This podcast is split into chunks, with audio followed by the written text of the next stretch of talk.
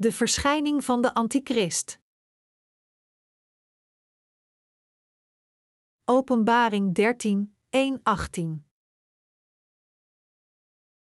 Ik zal nu de verschijning van de Antichrist en het martelaarschap van de heilige bespreken gebaseerd op de hoofdpassage.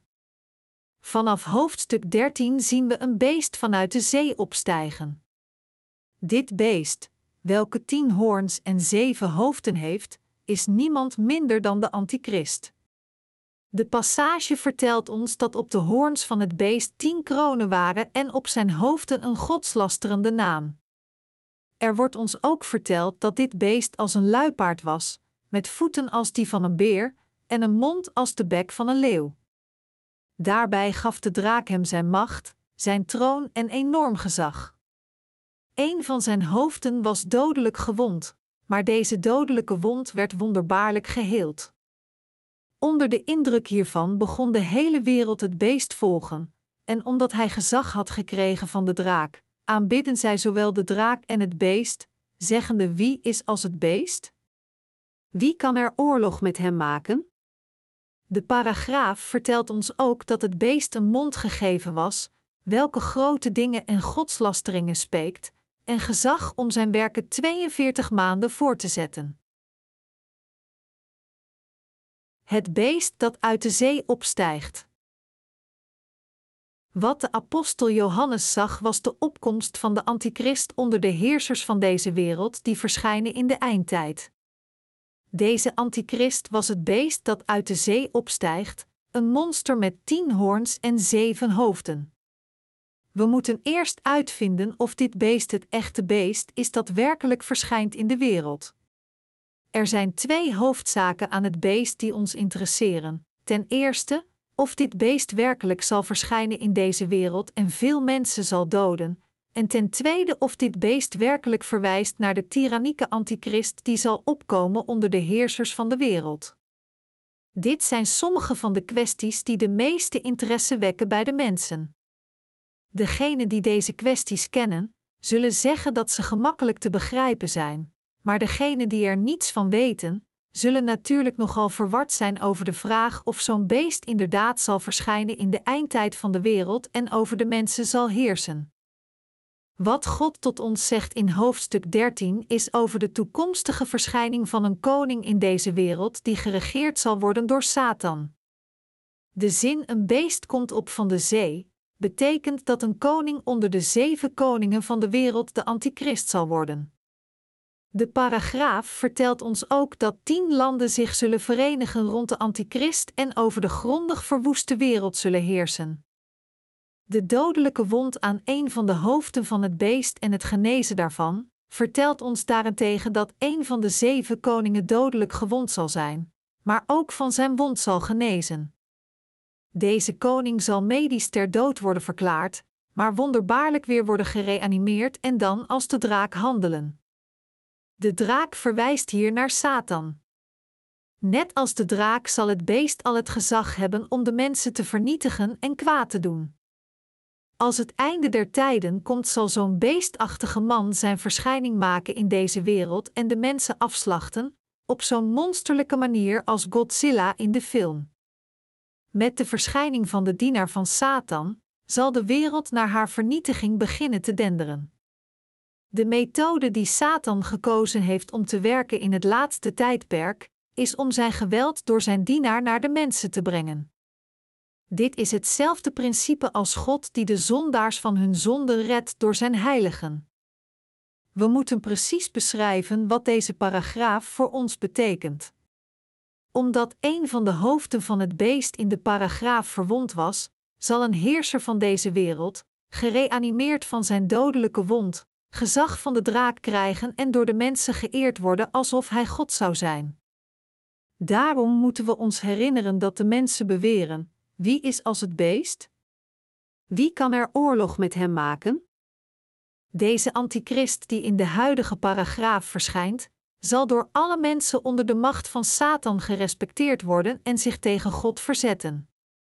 Het betekent dat een machtige leider in de laatste wereld zal opkomen en erover zal heersen. Deze leider zal een van de heersers zijn van de landen van de wereld. Nadat hij de geest van de antichrist heeft ontvangen van Satan, zal hij als een machtige leider opkomen. De wereld zal dan onder de heerschappij van deze leider komen en door hem geregeerd worden.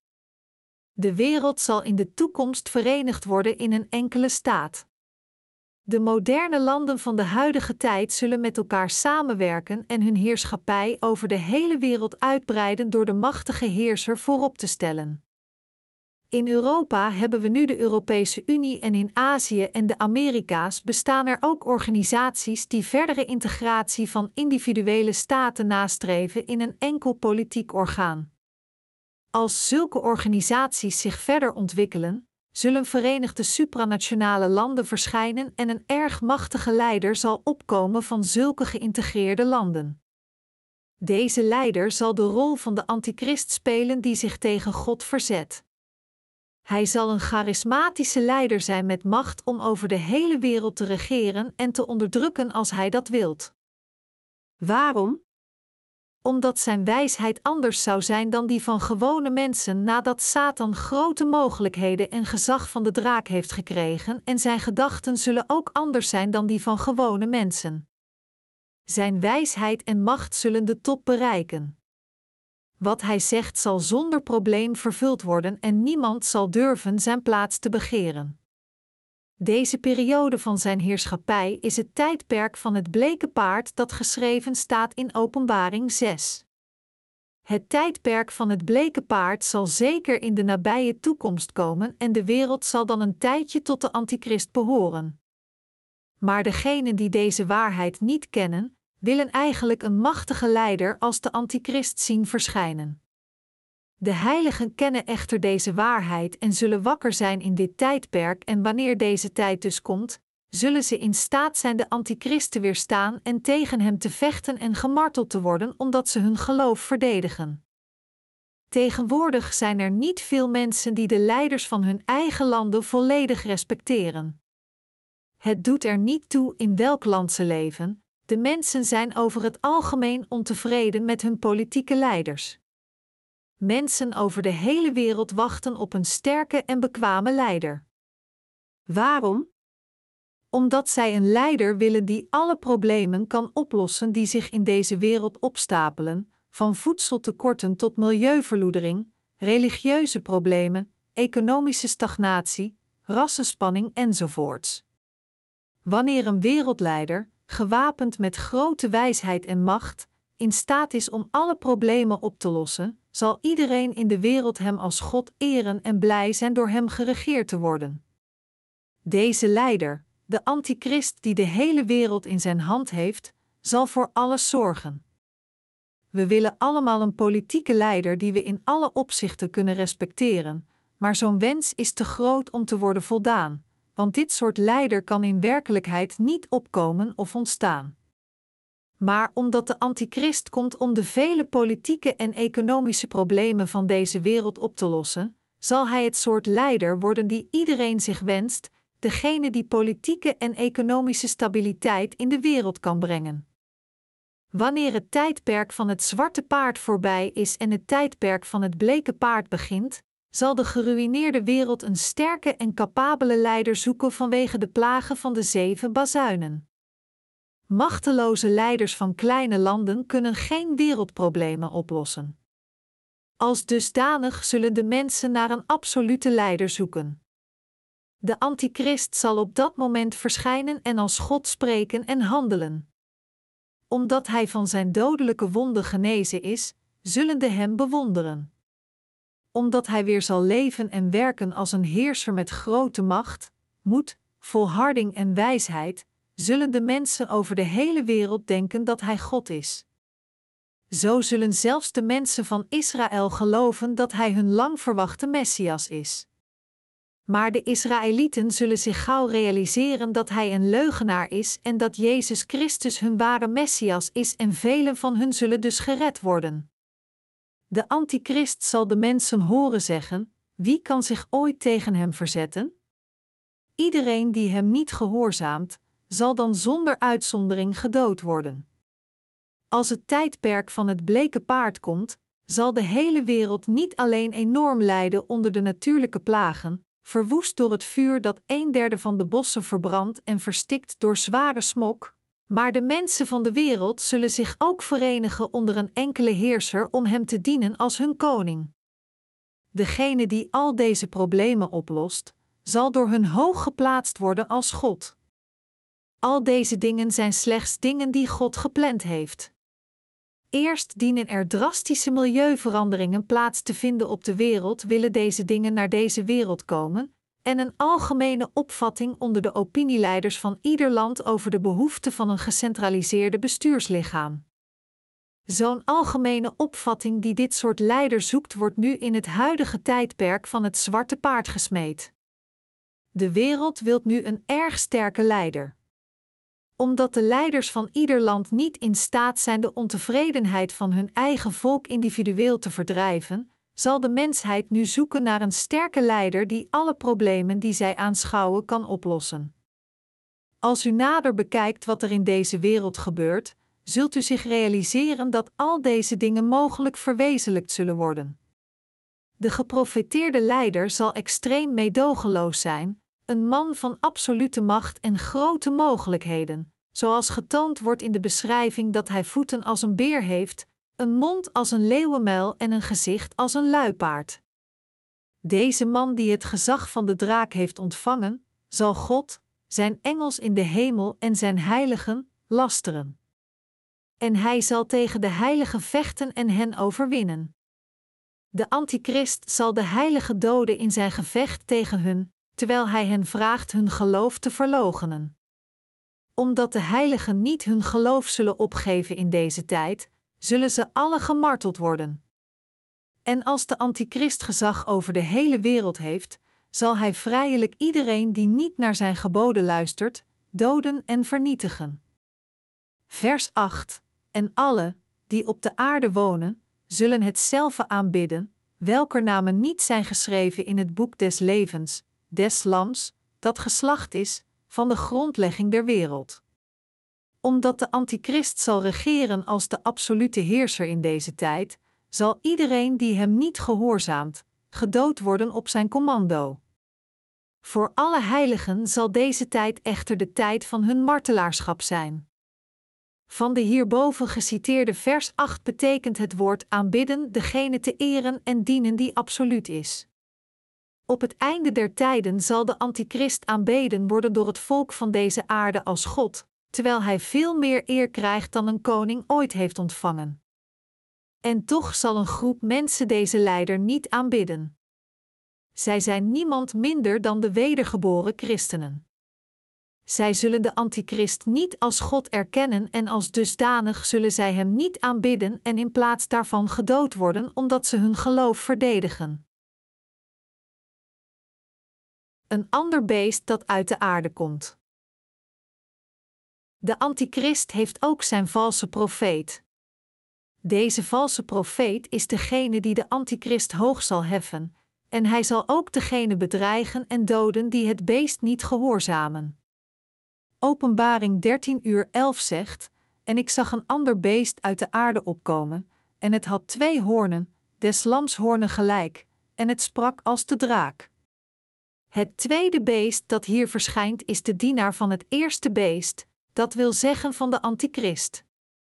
Net als de antichrist zal hij ook tegen God staan en de mensen van de wereld en de rechtvaardige doden. Hij zal de mensen aanmoedigen de antichrist die voor hem als God is geworden, te aanbidden omdat hij het gezag van de draak heeft ontvangen. Omdat hij ook gezag heeft ontvangen van de draak, zal hij doen wat de draak verlangt. Hij zal de mensen niet alleen de antichrist die voor hem kwam en iedereen die hem niet gehoorzaamde, laten doden, laten aanbidden, maar hij zal ook wonders verrichten, zoals het laten regenen van vuur en hij zal zelfs als de antichrist handelen. Hij zal het beest dat dodelijk gewond was, maar deze wond overleefde, voor iedereen vergoddelijken en aanbidden.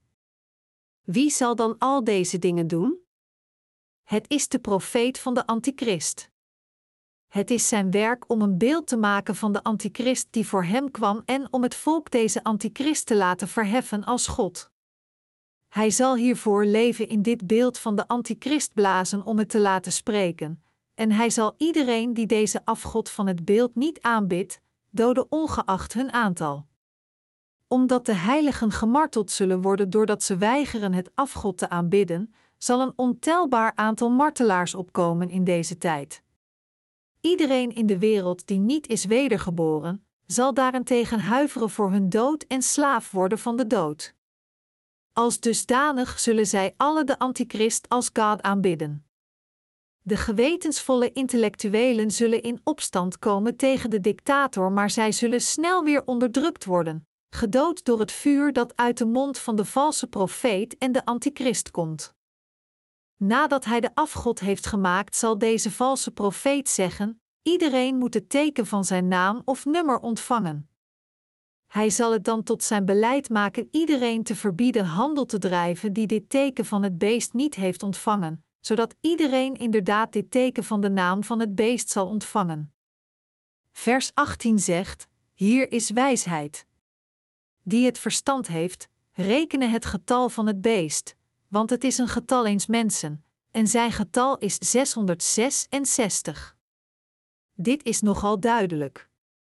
Alhoewel we het getal 666 iets gecompliceerds vinden, betekent het gewoon de naam van de antichrist of zijn nummer. De ontvangst van het teken van de beest betekent dat men het teken van zijn naam ontvangt op zijn voorhoofd of rechterhand. Het betekent dat men de naam van deze heerser op iemands lichaam stempelt, genummerd in een getal en gedigitaliseerd in een streepjescode. Dit teken zal overal nodig zijn waar iemand iets probeert te kopen. Zelfs als u met de bus wilt gaan, zult u dit digitale nummer dat op uw lichaam getatoeëerd is, nodig hebben en zonder dat zult u beperkt zijn. Het huidige tijdperk is een erg digitaal tijdperk. Het is een tijdperk van getallen. Omdat alles in getallen is vertaald, is het nu bijzonder gemakkelijk geworden wat eens heel gecompliceerd was. In zo'n tijdperk zal dit teken van het beest verschijnen. De antichrist zal een afgod van zichzelf maken en verlangen dat de mensen hem als God aanbidden. De tijd zal werkelijk komen wanneer de mensen dus vereist zijn de antichrist hun God te noemen, hem te loven en zijn naam te eren en zijn naam op hun rechterhand of voorhoofd te ontvangen. Wanneer zulke dingen gebeuren, zullen de heiligen allemaal gemarteld worden. De antichrist zal van de heilige verlangen zijn teken te ontvangen en hem te aanbidden door te zeggen: Dus jij gelooft in Jezus?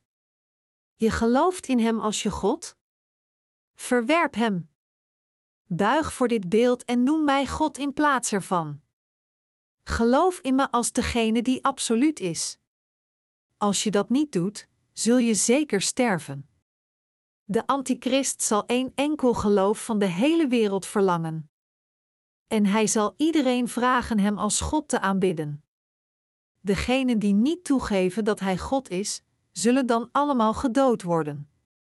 De antichrist zal openlijk de heiligen executeren die zich tegen hem verzetten. Iedereen wiens naam in het boek des levens van het Lam geschreven staat, zal zijn teken ontvangen en hem aanbidden. Als wij de verlossing van de zonde in ons hart ontvangen, zal de Heilige Geest in ons aanwezig zijn en onze naam zal in het boek van het leven in het Koninkrijk van de Hemel geschreven worden. Omdat onze namen in het boek van het leven geschreven staan en omdat de Heilige Geest ons hart heeft verzegeld, zullen we opgenomen worden als de kinderen van God wanneer Hij ons roept. Zouden we Jezus Christus, die ons gered heeft, ooit in de steek kunnen laten, en afkondigen tot het beeld van het beest dat het nu onze God en Verlosser is? Natuurlijk niet. Het doet er niet toe hoe ontoereikend we voor Hem zijn. Onze Heer kwam naar deze aarde in de gedaante van een mens, reinigde al onze zonden door ze op zich te nemen met zijn doopsel en Hij redde ons door indirect veroordeeld te worden aan het kruis. Ook omdat onze Heer ons reeds heeft verteld over al deze dingen die komen gaan, kunnen wij, de heiligen, nooit ons geloof in deze tijd van de antichrist verraden.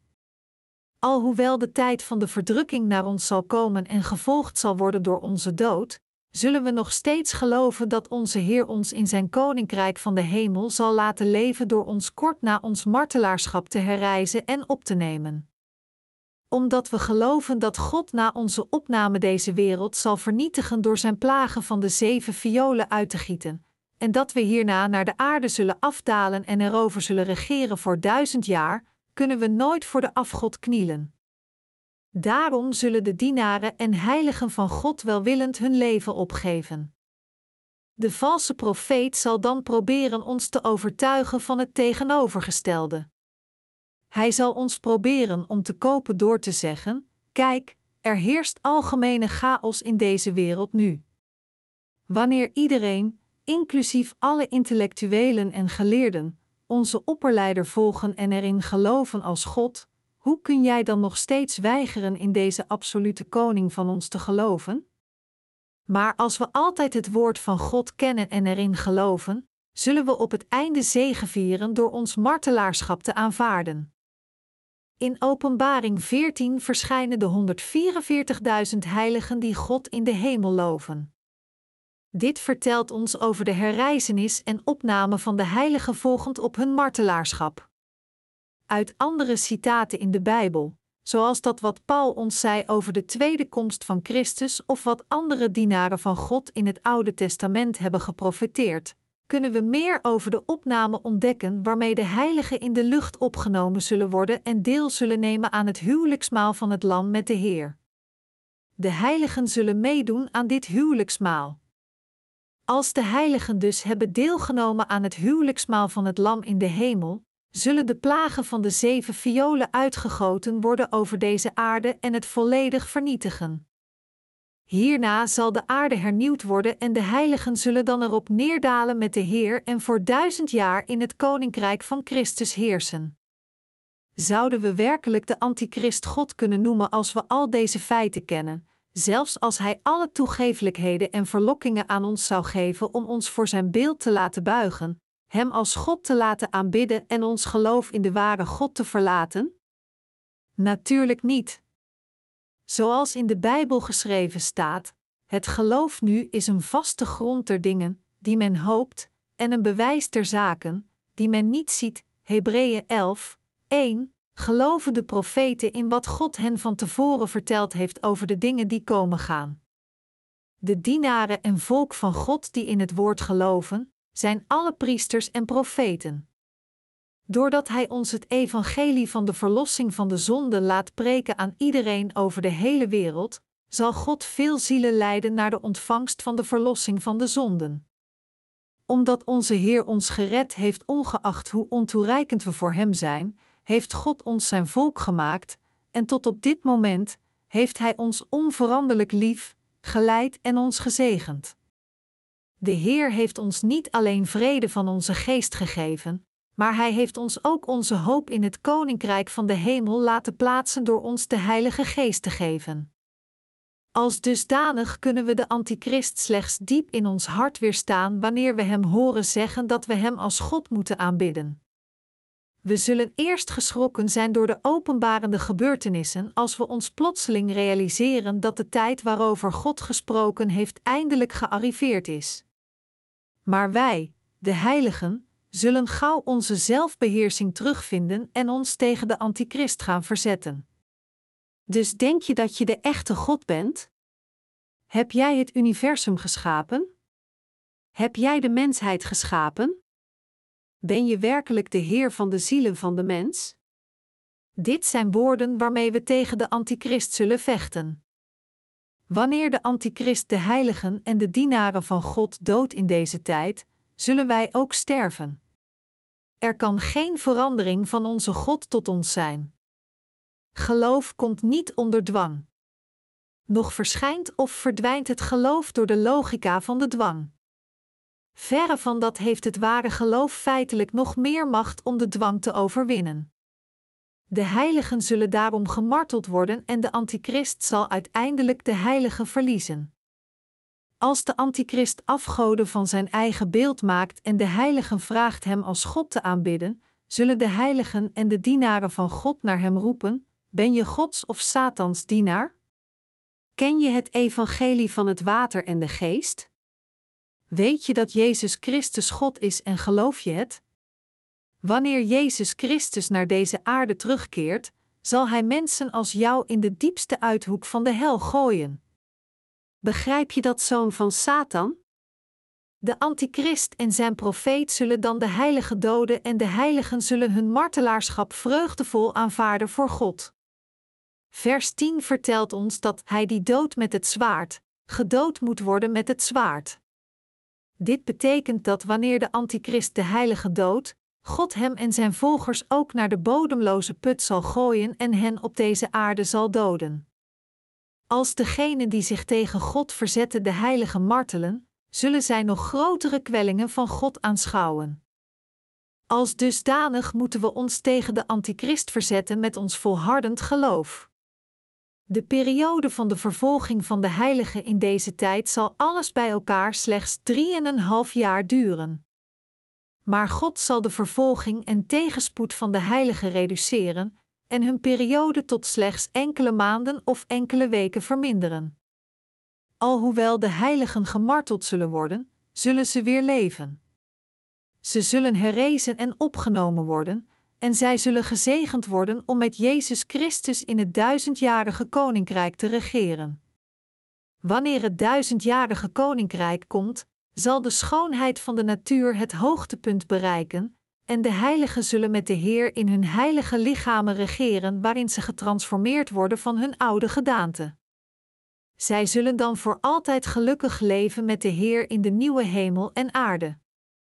Hoe kunnen wij, die al deze dingen weten en erin geloven, niet volharden door het kortstondige leed dat tot ons zal komen voor ons geloof in Jezus? Het doet er niet toe hoe moeilijk de tegenspoed van deze tijd is, ontelbare heiligen zullen desalniettemin gemarteld worden en dus is er geen reden waarom wij niet ook ons martelaarschap zouden aanvaarden. Omdat al deze dingen waar zijn, zullen we ons nooit aan de verdrukking overgeven die slechts een tijdje duurt op deze wereld. Een ander voorbeeld: zelfs als de wereld voor honderd of duizend jaar in een paradijs zou keren, kunnen we ons nog niet overgeven aan de antichrist.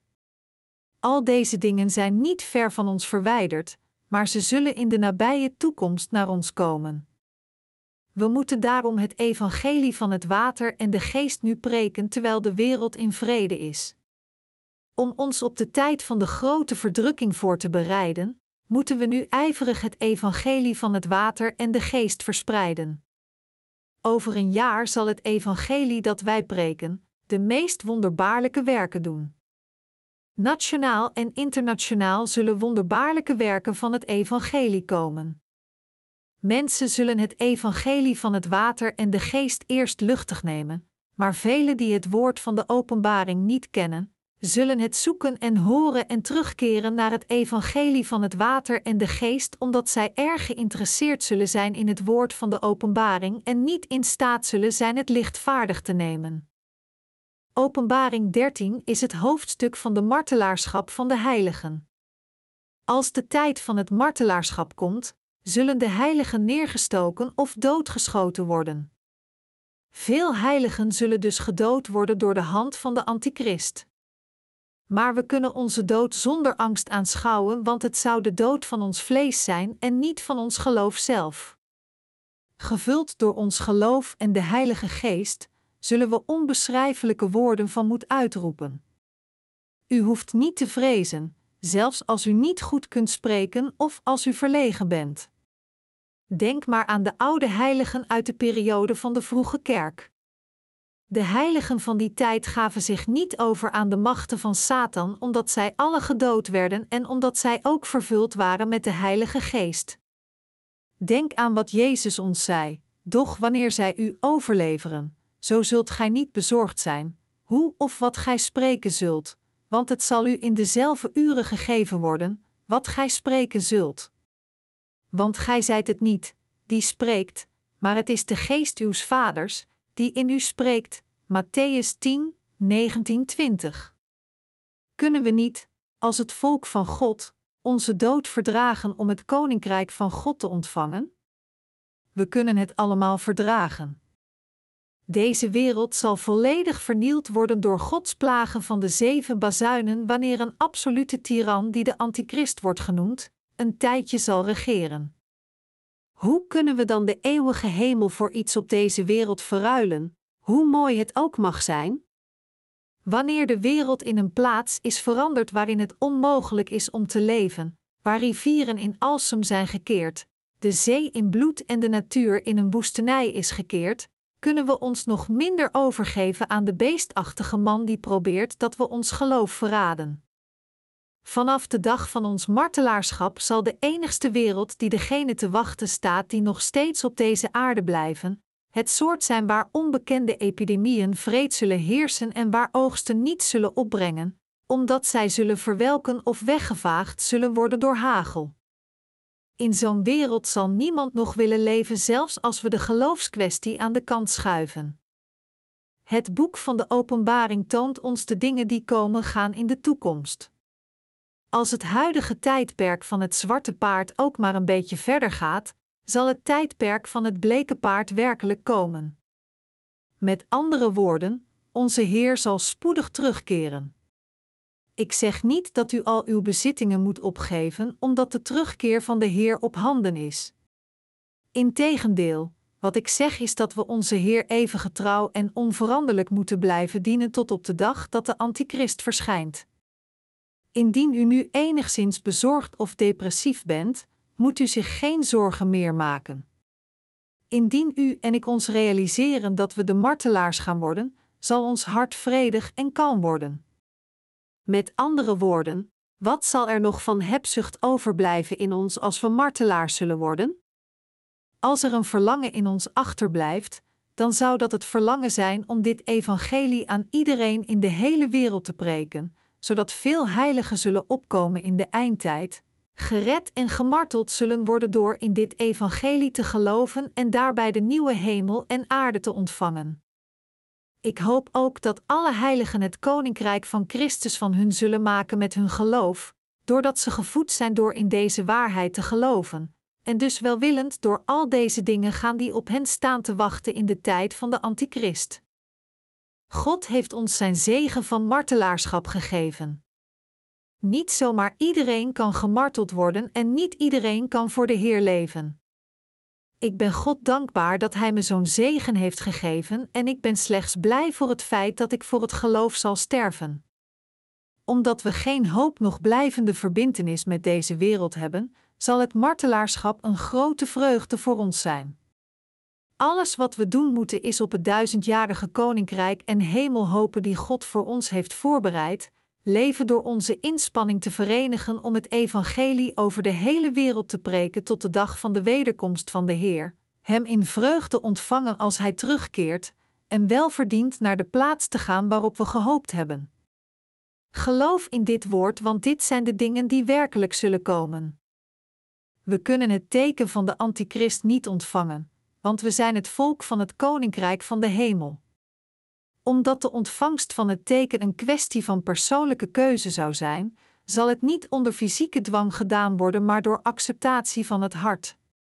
Zelfs onze kinderen zullen hun martelaarschap nog moediger aanvaarden dan de volwassenen als het evangelie in hun hart gevonden wordt, want zij hebben ook de Heilige Geest in zich wonen. Als de volwassenen biechten dat Jezus hun verlosser is, zullen ook zij zeker biechten dat Jezus hun verlosser en God is wanneer de Heilige Geest in het hart van de kinderen wordt gevonden. De Bijbel vertelt ons dat we niet moeten denken aan wat we moeten zeggen als we voor de Antichrist gesleept worden, want de Heilige Geest zal ons hart vervullen met de woorden waarmee we kunnen spreken. Gods kinderen zullen ook bang zijn omdat zij geestelijk jong en zwak zijn maar de Heilige Geest in hun heeft geen angst. Ze zullen gemarteld worden door de macht van de Heilige Geest die in hen aanwezig is.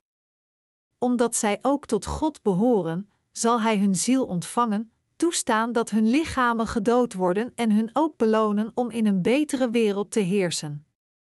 God zal de harten van degenen die wedergeboren zijn uit het water en de geest laten spreken met zijn woorden, omdat slechts de zielen die verkozen en ontvangen zijn door God, gemarteld kunnen worden, kan God slechts hun geloof in zijn naam voorbereiden. Net als het feit dat we de Heilige Geest in ons hart hebben omdat we in het evangelie van het water en de geest geloven, zullen we de beloning van het duizendjarige rijk ontvangen en de genade van de nieuwe hemel en aarde. We zullen allemaal de volheid van de Heilige Geest in ons hart ervaren op het einde der tijden. Omdat het ons lot is martelaars te worden, zullen we door ons martelaarschap gaan terwijl we God loven, aanbidden en verheerlijken in Zijn aanwezigheid wanneer we volgens Gods plan gemarteld worden. Omdat we in God geloven, volgen we Hem slechts door ons geloof dat uitroept Amen. Omdat we weten dat we gemarteld worden, zal onze vleeselijke hebzucht natuurlijk van ons weggaan, waardoor onze ziel erg puur wordt. Het martelaarschap, wat Gods wil voor ons is, is de ontvangst van grote zegen en we zullen enorm verheerlijkt worden. Omdat de heiligen hun hoop hebben om voor altijd in de nieuwe hemel en aarde te wonen, zullen zij tegen de antichrist vechten en het evangelie van het water en de geest tot het einde toe in hun hart verdedigen. In deze tijd van de grote verdrukking zullen alle heiligen hun martelaarschap voor God aanvaarden terwijl ze Jezus Christus als hun God erkennen en in hun volmaakte zaligheid die door Hem gegeven is, geloven. Ik dank de Heer die ons deze zegen van het martelaarschap heeft gegeven.